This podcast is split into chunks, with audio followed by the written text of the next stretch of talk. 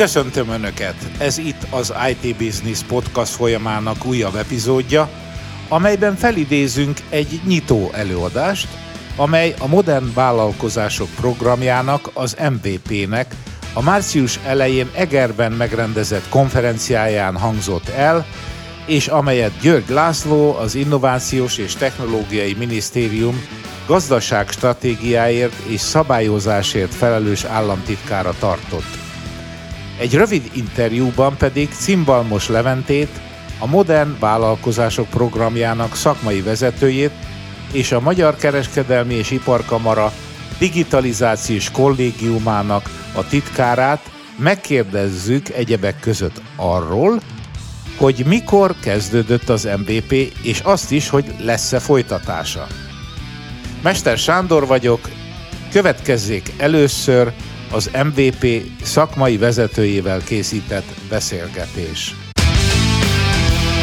Modern Vállalkozások programja, ugye ez egy 2015-ös kezdeményezés, pontosabban maga a projekt ötlet az már korábban megszületett gyakorlatilag az alkotóknak a fejében. Arra az igényre próbál válaszolni ez a program, a KKV digitalizációjára, illetve a KKV digitalizációs hiátusaira.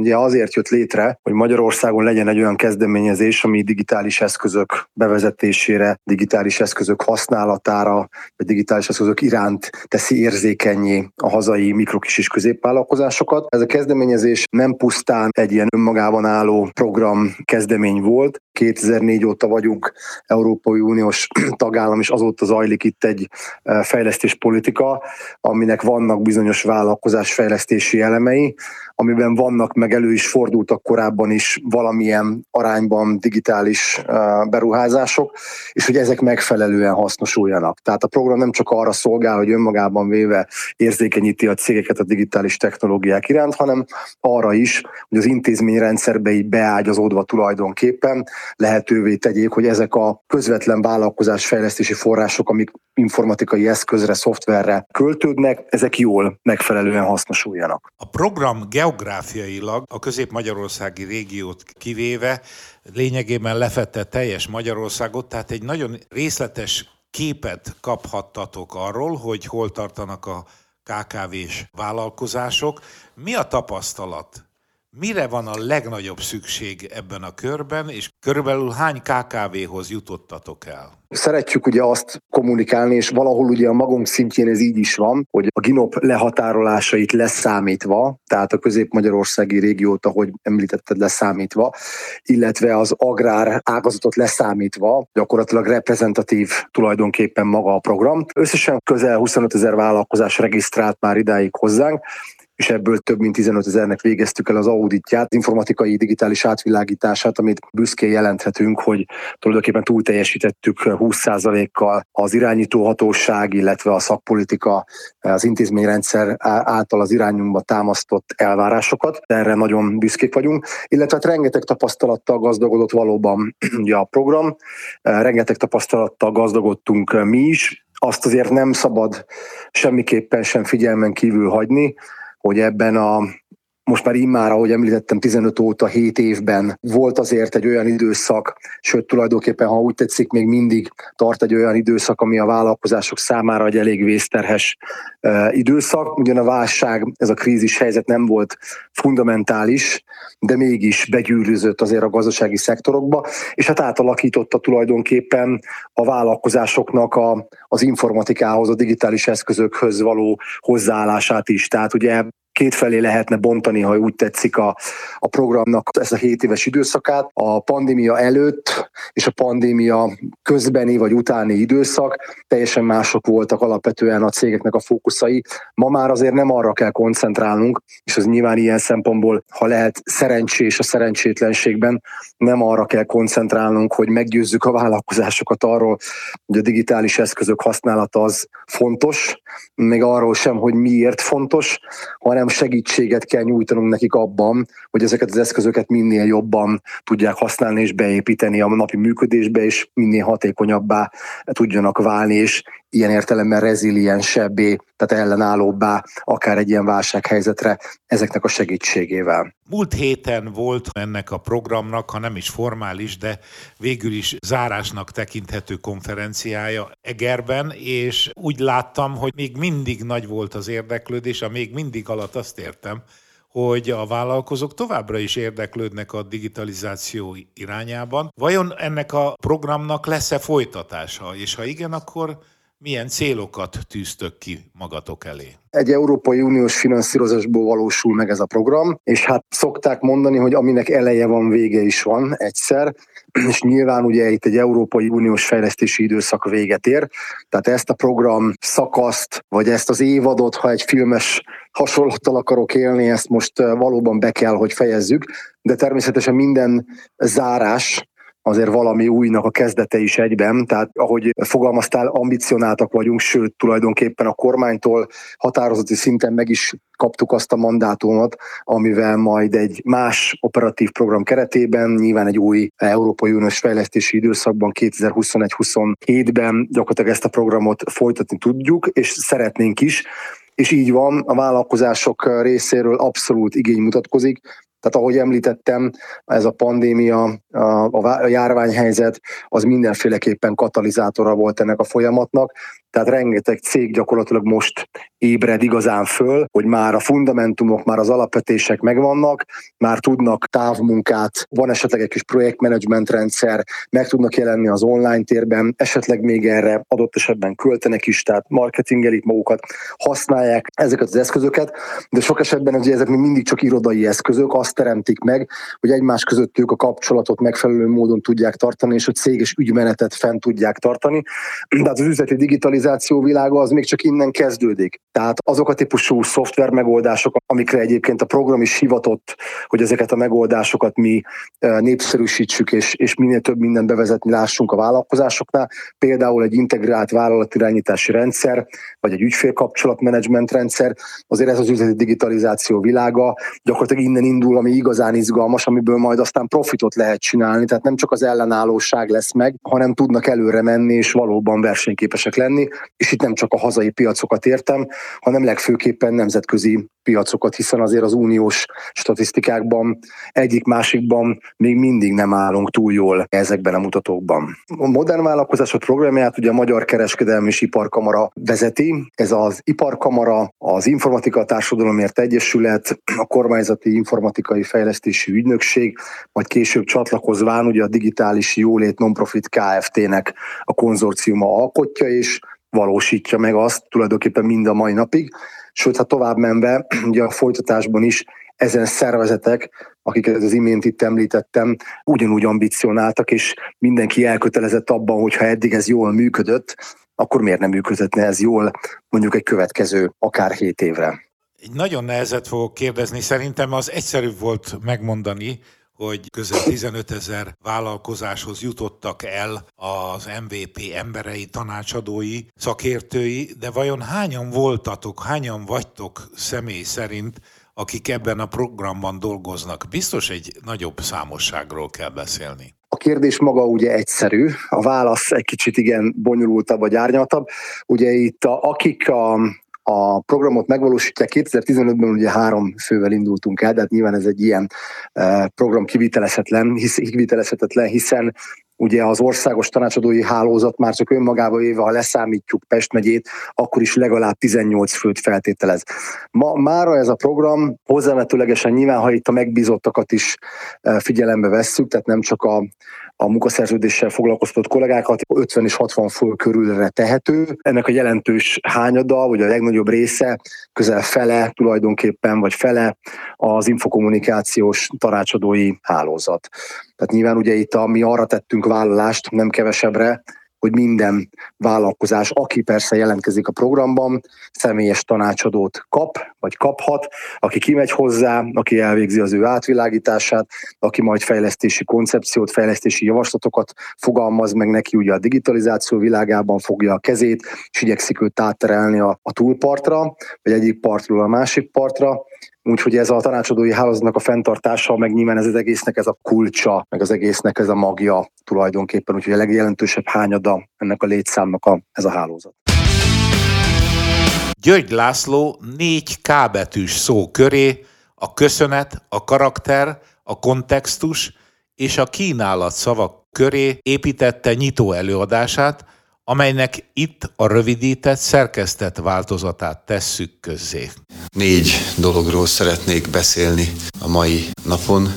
4K-ról, nem a 4K technikáról, hanem először is a köszönetemet szeretném kifejezni azért, mert önökkel közösen tudtunk egy millió munkahelyet teremteni Magyarországon 2010 óta. Akkor bennünket a baloldali közgazdászok önmagukat függetlennek gondoló közgazdászok ezért kinevettek és rendkívül cinikusan és ironikusan álltak ehhez a kérdéshez, pedig tudtuk, hogy csak akkor tudunk adókat csökkenteni, hogyha bővítjük az adófizetők körét, és segély alapú társadalom helyett munka alapú társadalmat építünk Magyarországból. Most pedig az a célunk, hogy ez ne csak munka, hanem nagyon nagy mértékben tudás alapú társadalom is legyen. Erről szól a Vállalkoz Digitálisan program is. Azért is szeretném a köszönetemet kifejezni, mert most a második K, a karakterüket megmutatták a válság alatt. Ugyanis a válság alatt is amennyire lehetséges volt, és mi ebben próbáltunk önöknek segíteni, megőrizték a munkavállalóikat. És azon túlmenően, hogy megőrizték a munkavállalóikat, önökkel közösen még 200 ezer új munkahelyet teremtettünk Magyarországon. Meg is szüntek munkahelyek, és létre is jöttek, és így jön ki az az egyenleg, hogy a válság előtt 850-860 ezerrel dolgoztak többen Magyarországon, mint 2010-ben, most pedig egy millióval dolgoznak többen Magyarországon, mint 2010-ben. Míg a válságos helyzetek hozzák ki a, az embernek a karakterét, akkor derül ki, hogy ki milyen izgága, izgatott, megijed-e a feladatoktól, elbújik-e, vagy éppen túlságosan széles mozdulatokkal reagál egy-egy válsághelyzetre, vagy képes megőrizni a stratégiai nyugalmát, és arra kérem önöket, hogy amennyiben lehetséges, akkor őrizzék meg a stratégiai nyugalmukat ezekben a nehéz helyzetekben. Azt gondolom, hogy a koronavírus válság a világgazdaságra sokkal nagyobb veszélyt jelentett, mint a mostani kontextus, amiben élünk, és ez a harmadik K, amiről beszélni szeretnék, ez a kontextus, az a kontextus, amiben ma élünk. Itt van a határainkon túl egy háború, ami nem a mi háborunk, mindent megteszünk annak érdekében, hogy ez a háború békésen rendeződjön, és mindent megteszünk annak érdekében, hogy a magyarokat és a kárpátaljai magyarokat megóvjuk, és azokat, akik ideiglenesen, remények szerint csak ideiglenesen elhagyni kényszerülnek a hazájukat, azokat segítsük. És nagyon köszönöm Önöknek magyar állampolgárként, nem csak vállalkozóként, azt a hozzáállást, amit tanúsítanak, amit nagyon megható, látva a határokon a, a, a készültséget, látva a pályaudvarainkon a készültséget és a fogadókészséget, és látni azt a sok-sok adományt, amire azt mondják már a segélyszervezetek, hogy odébb kell vinniük annak érdekében, hogy mindenhol rendelkezésre meg már nem is tudják ezt a sok adományt, amit kapnak ott helyben felhasználni, de ettől még, ettől még továbbra is kérem, hogy segítsenek a, a bajba jutottaknak.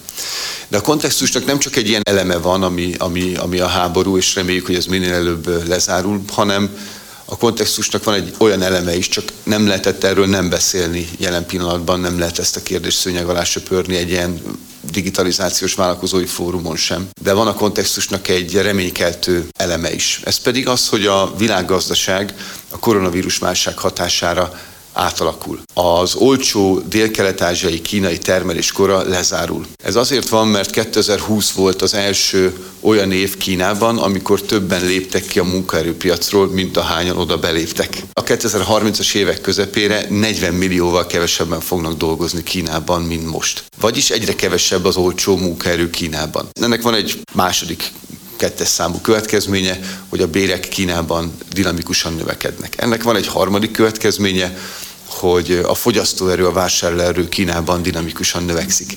Vagyis a kínai termelés az előbb-utóbb Kelet-Ázsia és Kína irányába fordul. Ez pedig lehetőséget teremt azon világrégiók számára, amelyek versenyképesen tudják kiváltani a kínai termelést. Márpedig azok a régiók fognak fölértékelődni, és azok értékesek jelen pillanatban is, amelyek egyrészt közel vannak a fogyasztói piacokhoz, márpedig az Európai Unió a világ legnagyobb fogyasztói piaca, fél milliárd fogyasztóval és a legnagyobb vásárlóerővel, és ezen belül is a kelet-közép-európai régió tűnik most a leginkább versenyképesnek a dinamikus bérnövekedés ellenére, amelyel önök munkavállalóként örömmel szembesülnek, bár sose elégedettek, lehetünk elégedettek a kapott bérrel, vállalkozóként pedig kihívásként szembesülnek. De tudják azt, hogy, hogy ezek a bérek még mindig, és hogyha növekednek, akkor is versenyképesnek számítanak. Mi abban szeretnénk önöket segíteni, hogy ebből a nemzetközi vagy világösszehasonlításban jó munkakultúrával rendelkező régióból önök ki tudjanak emelkedni. A kelet-közép-európai régióra a zsidó-keresztény, vagy judeo-keresztény, vagy a keresztény hagyományoknak köszönhetően úgy tekintenek, mint egy jó munkakultúrával rendelkező régióra. Magyarország volt az egyetlen olyan ország, több multinacionális cég életében is, ahol nem akadozott a termelés a koronavírus válság ellenére sem. Mindenhol máshol ideig, óráig, napokra, hetekre be kellett zárniuk az üzemeket, Magyarországon erre nem került sor. A munkakultúránk mellett pedig azt szeretnénk, hogyha önöket tudnánk abban segíteni, hogy okosabban, szervezettebben, hatékonyabban tudjanak működni a 2020-as évtizedben. És ez az a kínálat, ami a negyedik K, amiről szeretnék még önöknek röviden beszélni, hogy mi az, amit mi ehhez kínálni tudunk, mi az, amit kínálni tudunk az önök gondolataihoz, fejlesztési elképzeléseihez. Ezért is alkottuk meg a Valit, és ebben nagyon köszönjük a Magyar Kereskedelmi Iparkamara és a megyei kamarák támogatását, hiszen, hiszen tőlük érkeztek az első impulzusok, és folyamatosan teszteltük velük, és a Vállalkoz Digitálisan programmal közösen teszteltük a Valinak a működését. A Vali a vállalkozói információs portál. Azt szoktam mondani, hogy akinek vonatjegyre van szüksége, az kérdezze Elvirát, akinek pedig vállalkozó információra az mostantól kezdve forduljon Valihoz. A Vali személyre szabottan mutatja meg azokat a vállalkozás fejlesztési lehetőségeket, amelyekkel önöket eh, szeretnék segíteni. Mielőtt megmutatnám önöknek a Vali működését, és addig nagyon örülnék, hogyha lenne egy eh, bátor önként jelentkező, akinek a cégén keresztül be tudnám mutatni. Ami azért is izgalmas, mert kiderülne, hogy valóban minden társas vállalkozás szerepel a Valin. Mert nem beszéltünk össze, és hogyha mondanak egy cégnevet, akkor feltételezem, hogy meg kell jelenni a Valin.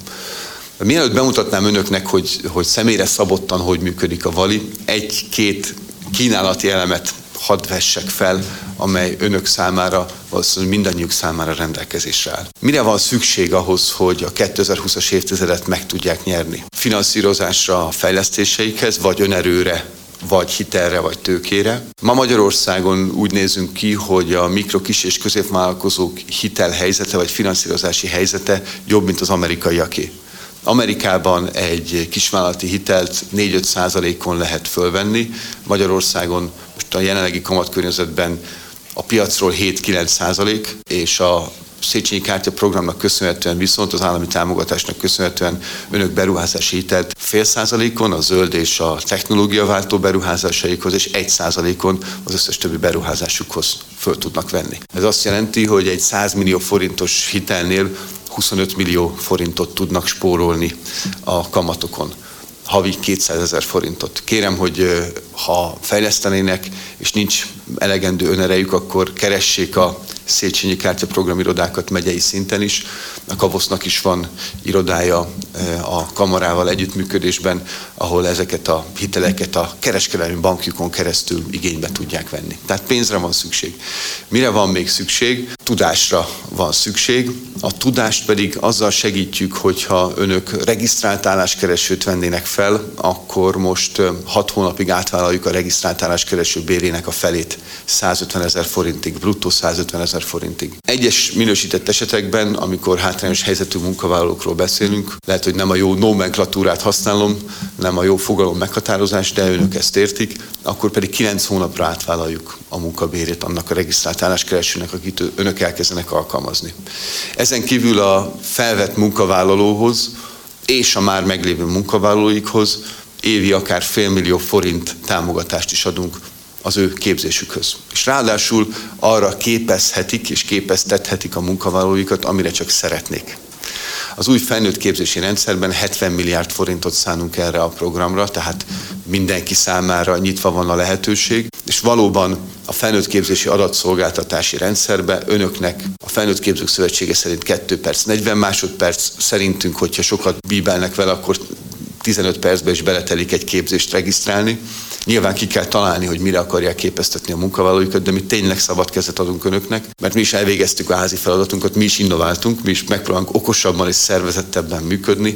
Ez azt jelenti, hogy az állam ezt az adat nyilvántartási rendszert összeköti a NAV adatbázissal, és innentől kezdve meg tudjuk azt mondani, hogy egy felnőtt képzésnek valóban mi az értéke, mert meg tudjuk azt mondani, hogy aki ebben részt vesz, az azokkal összehasonlításban, akik ilyenben nem vesznek részt, mennyivel jobban a bérük, és mennyivel válik stabilabbá a foglalkoztatásuk. És innentől kezdve ezeket a képzéseket ajánlani fogjuk, akár az önök képzéseit is, másoknak is, hogyha önök szeretnének a képzési tevékenységükkel is pénzt keresni. Mondok egy példát, hogy ne tűnjön nagyon absztraktnak, amit mondok. Van egy székesfehérvári cég, a gyártószalag mellől választják ki azokat a munkavállalókat, akit, akiket átképeznek CNC programozónak. A saját képzési tananyaguk mentén és utána 50-60 százalékkal magasabb bért tudnak fizetni. Egy pár hónapos képzés után 50-60 százalékkal magasabb bért tudnak fizetni.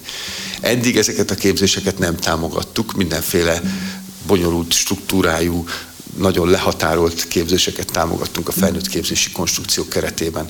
Most viszont azt tudjuk mondani ennek a vállalkozónak, hogy tanítsa meg a beszállítóit is, tanítsa meg a környező vállalkozások munkavállalóit is, mi ahhoz is adunk forrást.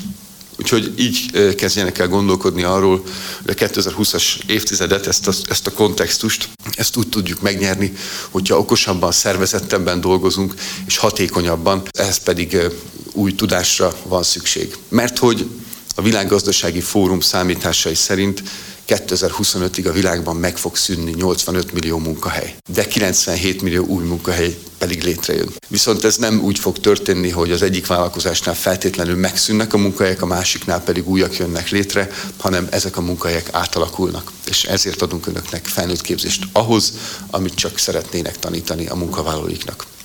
A harmadik, hogy átalakítottuk a szakképzést is, amelynek pedig az a lényege, hogy ha önök duális képzésben foglalkoztatnak és kitanítanak, kinevelnek fiatalokat, egyébként a saját képükre vagy a saját igényeikre, akkor ehhez havi 200-250 ezer forintot adunk képzéstől függően.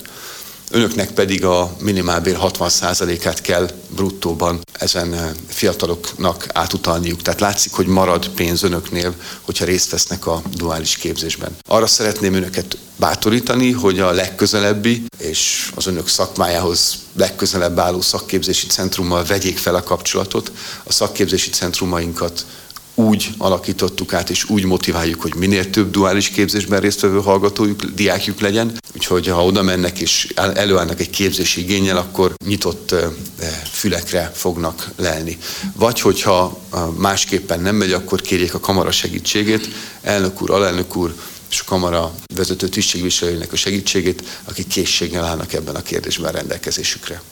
Átalakítottuk a felső oktatást is, közelebb vittük a modellváltással az egyetemeinket a nemzetközi példák alapján, finn, katalán, holland, izraeli és amerikai és angol példák alapján is, de hát azok 150 éve jól működő rendszerek, az előbb említettek pedig az elmúlt évtizedekben alakultak át, és ezért releváns példaként szolgálhatnak. Tehát átalakítottuk az egyetemeink modelljét, irányítási struktúráját azért, hogy közelebb vigyük őket a vállalkozásokhoz, és a közvetlen társadalmi környezetükhöz. És adunk is az egyetemeknek 2700 milliárd forintot, egyébként az Eszterházi Károly Egyetem is részt vesz egy 100 milliárdos nagyságrendű programmal ebben az egyetemfejlesztési konstrukcióban, amely az elmúlt 650 év legnagyobb egyetemfejlesztése. Itt is arra kérem önöket, hogy az önökhöz legközelebb álló tevékenységben és földrajzilag is legközelebb álló egyetemhez csekkoljanak be szép magyar kifejezéssel, mondják el az igényeiket, mert most vennek végbe azok az infrastruktúra fejlesztések, most tervezik azokat az infrastruktúra fejlesztéseket, és most tervezik azokat az eszközvásárlásokat, technológiai eszközvásárlásokat, laborműszereknek a megvásárlását, amit azért kell, hogy megvegyenek, hogy önöknek tudjanak segíteni, hogy önöknek ne kelljen olyan eszközt venniük, amelyet adott esetben csak pár órára használnának egy héten vagy pár napra, be tudnak menni az egyetemi környezetbe, és ott tudják használni ezeket az eszközöket. Szóval úgy fogjuk tudni megnyerni summa summarum a 2020-as évtizedet, hogyha okosabban és szervezettebben dolgozunk, és ehhez pedig új tudásra van szükség. Ehhez nyújtanak támogatást a szakképzési, a felnőttképzési és a felsőoktatási rendszereink. És akkor nézzük meg, hogy a hogyha most egy vállalkozásnak a példáján keresztül szeretnénk megérteni azt, hogy mit jelentenek ezek a kínálati elemek, tehát a 4K-ból az utolsó K, akkor, akkor egy vállalkozás mivel, mivel szembesül.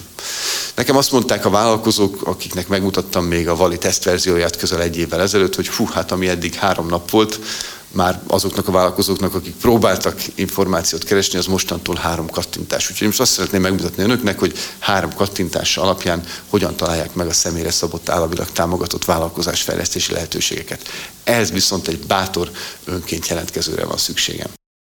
Végezetül annyit szeretnék mondani, hogy a Makronom Intézet, amely az Innovációs és Technológiai Minisztériumnak dolgozik gazdaságstratégiai tanácsadás területén, és az a feladata, hogy megértse azt, hogy milyen képességekkel kell rendelkezni egy vállalkozásnak ahhoz, hogy nyertes legyen a 2020-as évtizednek, készítette egy elemzést. Ezer vállalkozást keresett meg országszerte, ezer ígéretes vállalkozást, amely a növekedési adatai alapján sikeres volt a 2010-es évtizedben, és arra keresték a választ, hogy mitől sikeres egy sikeres vállalkozás. És arra a következtetésre jutottak, hogy a sikeres vállalkozások immateriális javakba, technológiában, know-how-ba hatszor annyit fektetnek, mint az országos átlag, és háromszor annyit, mint az ígéretesek. Vannak egyetemi és szakképzési centrum kapcsolataik, és a tudásba többet fektetnek. A munkavállalóikra 70%-kal többet költenek. Nem arról van szó, hogy olyan területen dolgoznak, hogy ott többet lehet, magasabb bért lehet adni, hanem ugyanolyan területeken működő vállalkozások közül is sikeresek, jobban megfizetik a munkavállalóikat munkavállalóikat. És ami még nagyon fontos, hogy optimisták. Tehát a menedzsment optimista. Egy tulajdonosnak mindig realistának kell lennie, nem szabad elmérni a, a valóságot, de egy menedzsmentnek kell rendelkeznie vízióval, lelkesültséggel, hinni abban, hogy az az irány, amit követnek, az végül célra vezet, célra tart. És nem azért optimisták ezek a vállalkozások, mert sikeresek, hanem azért sikeresek, mert optimisták.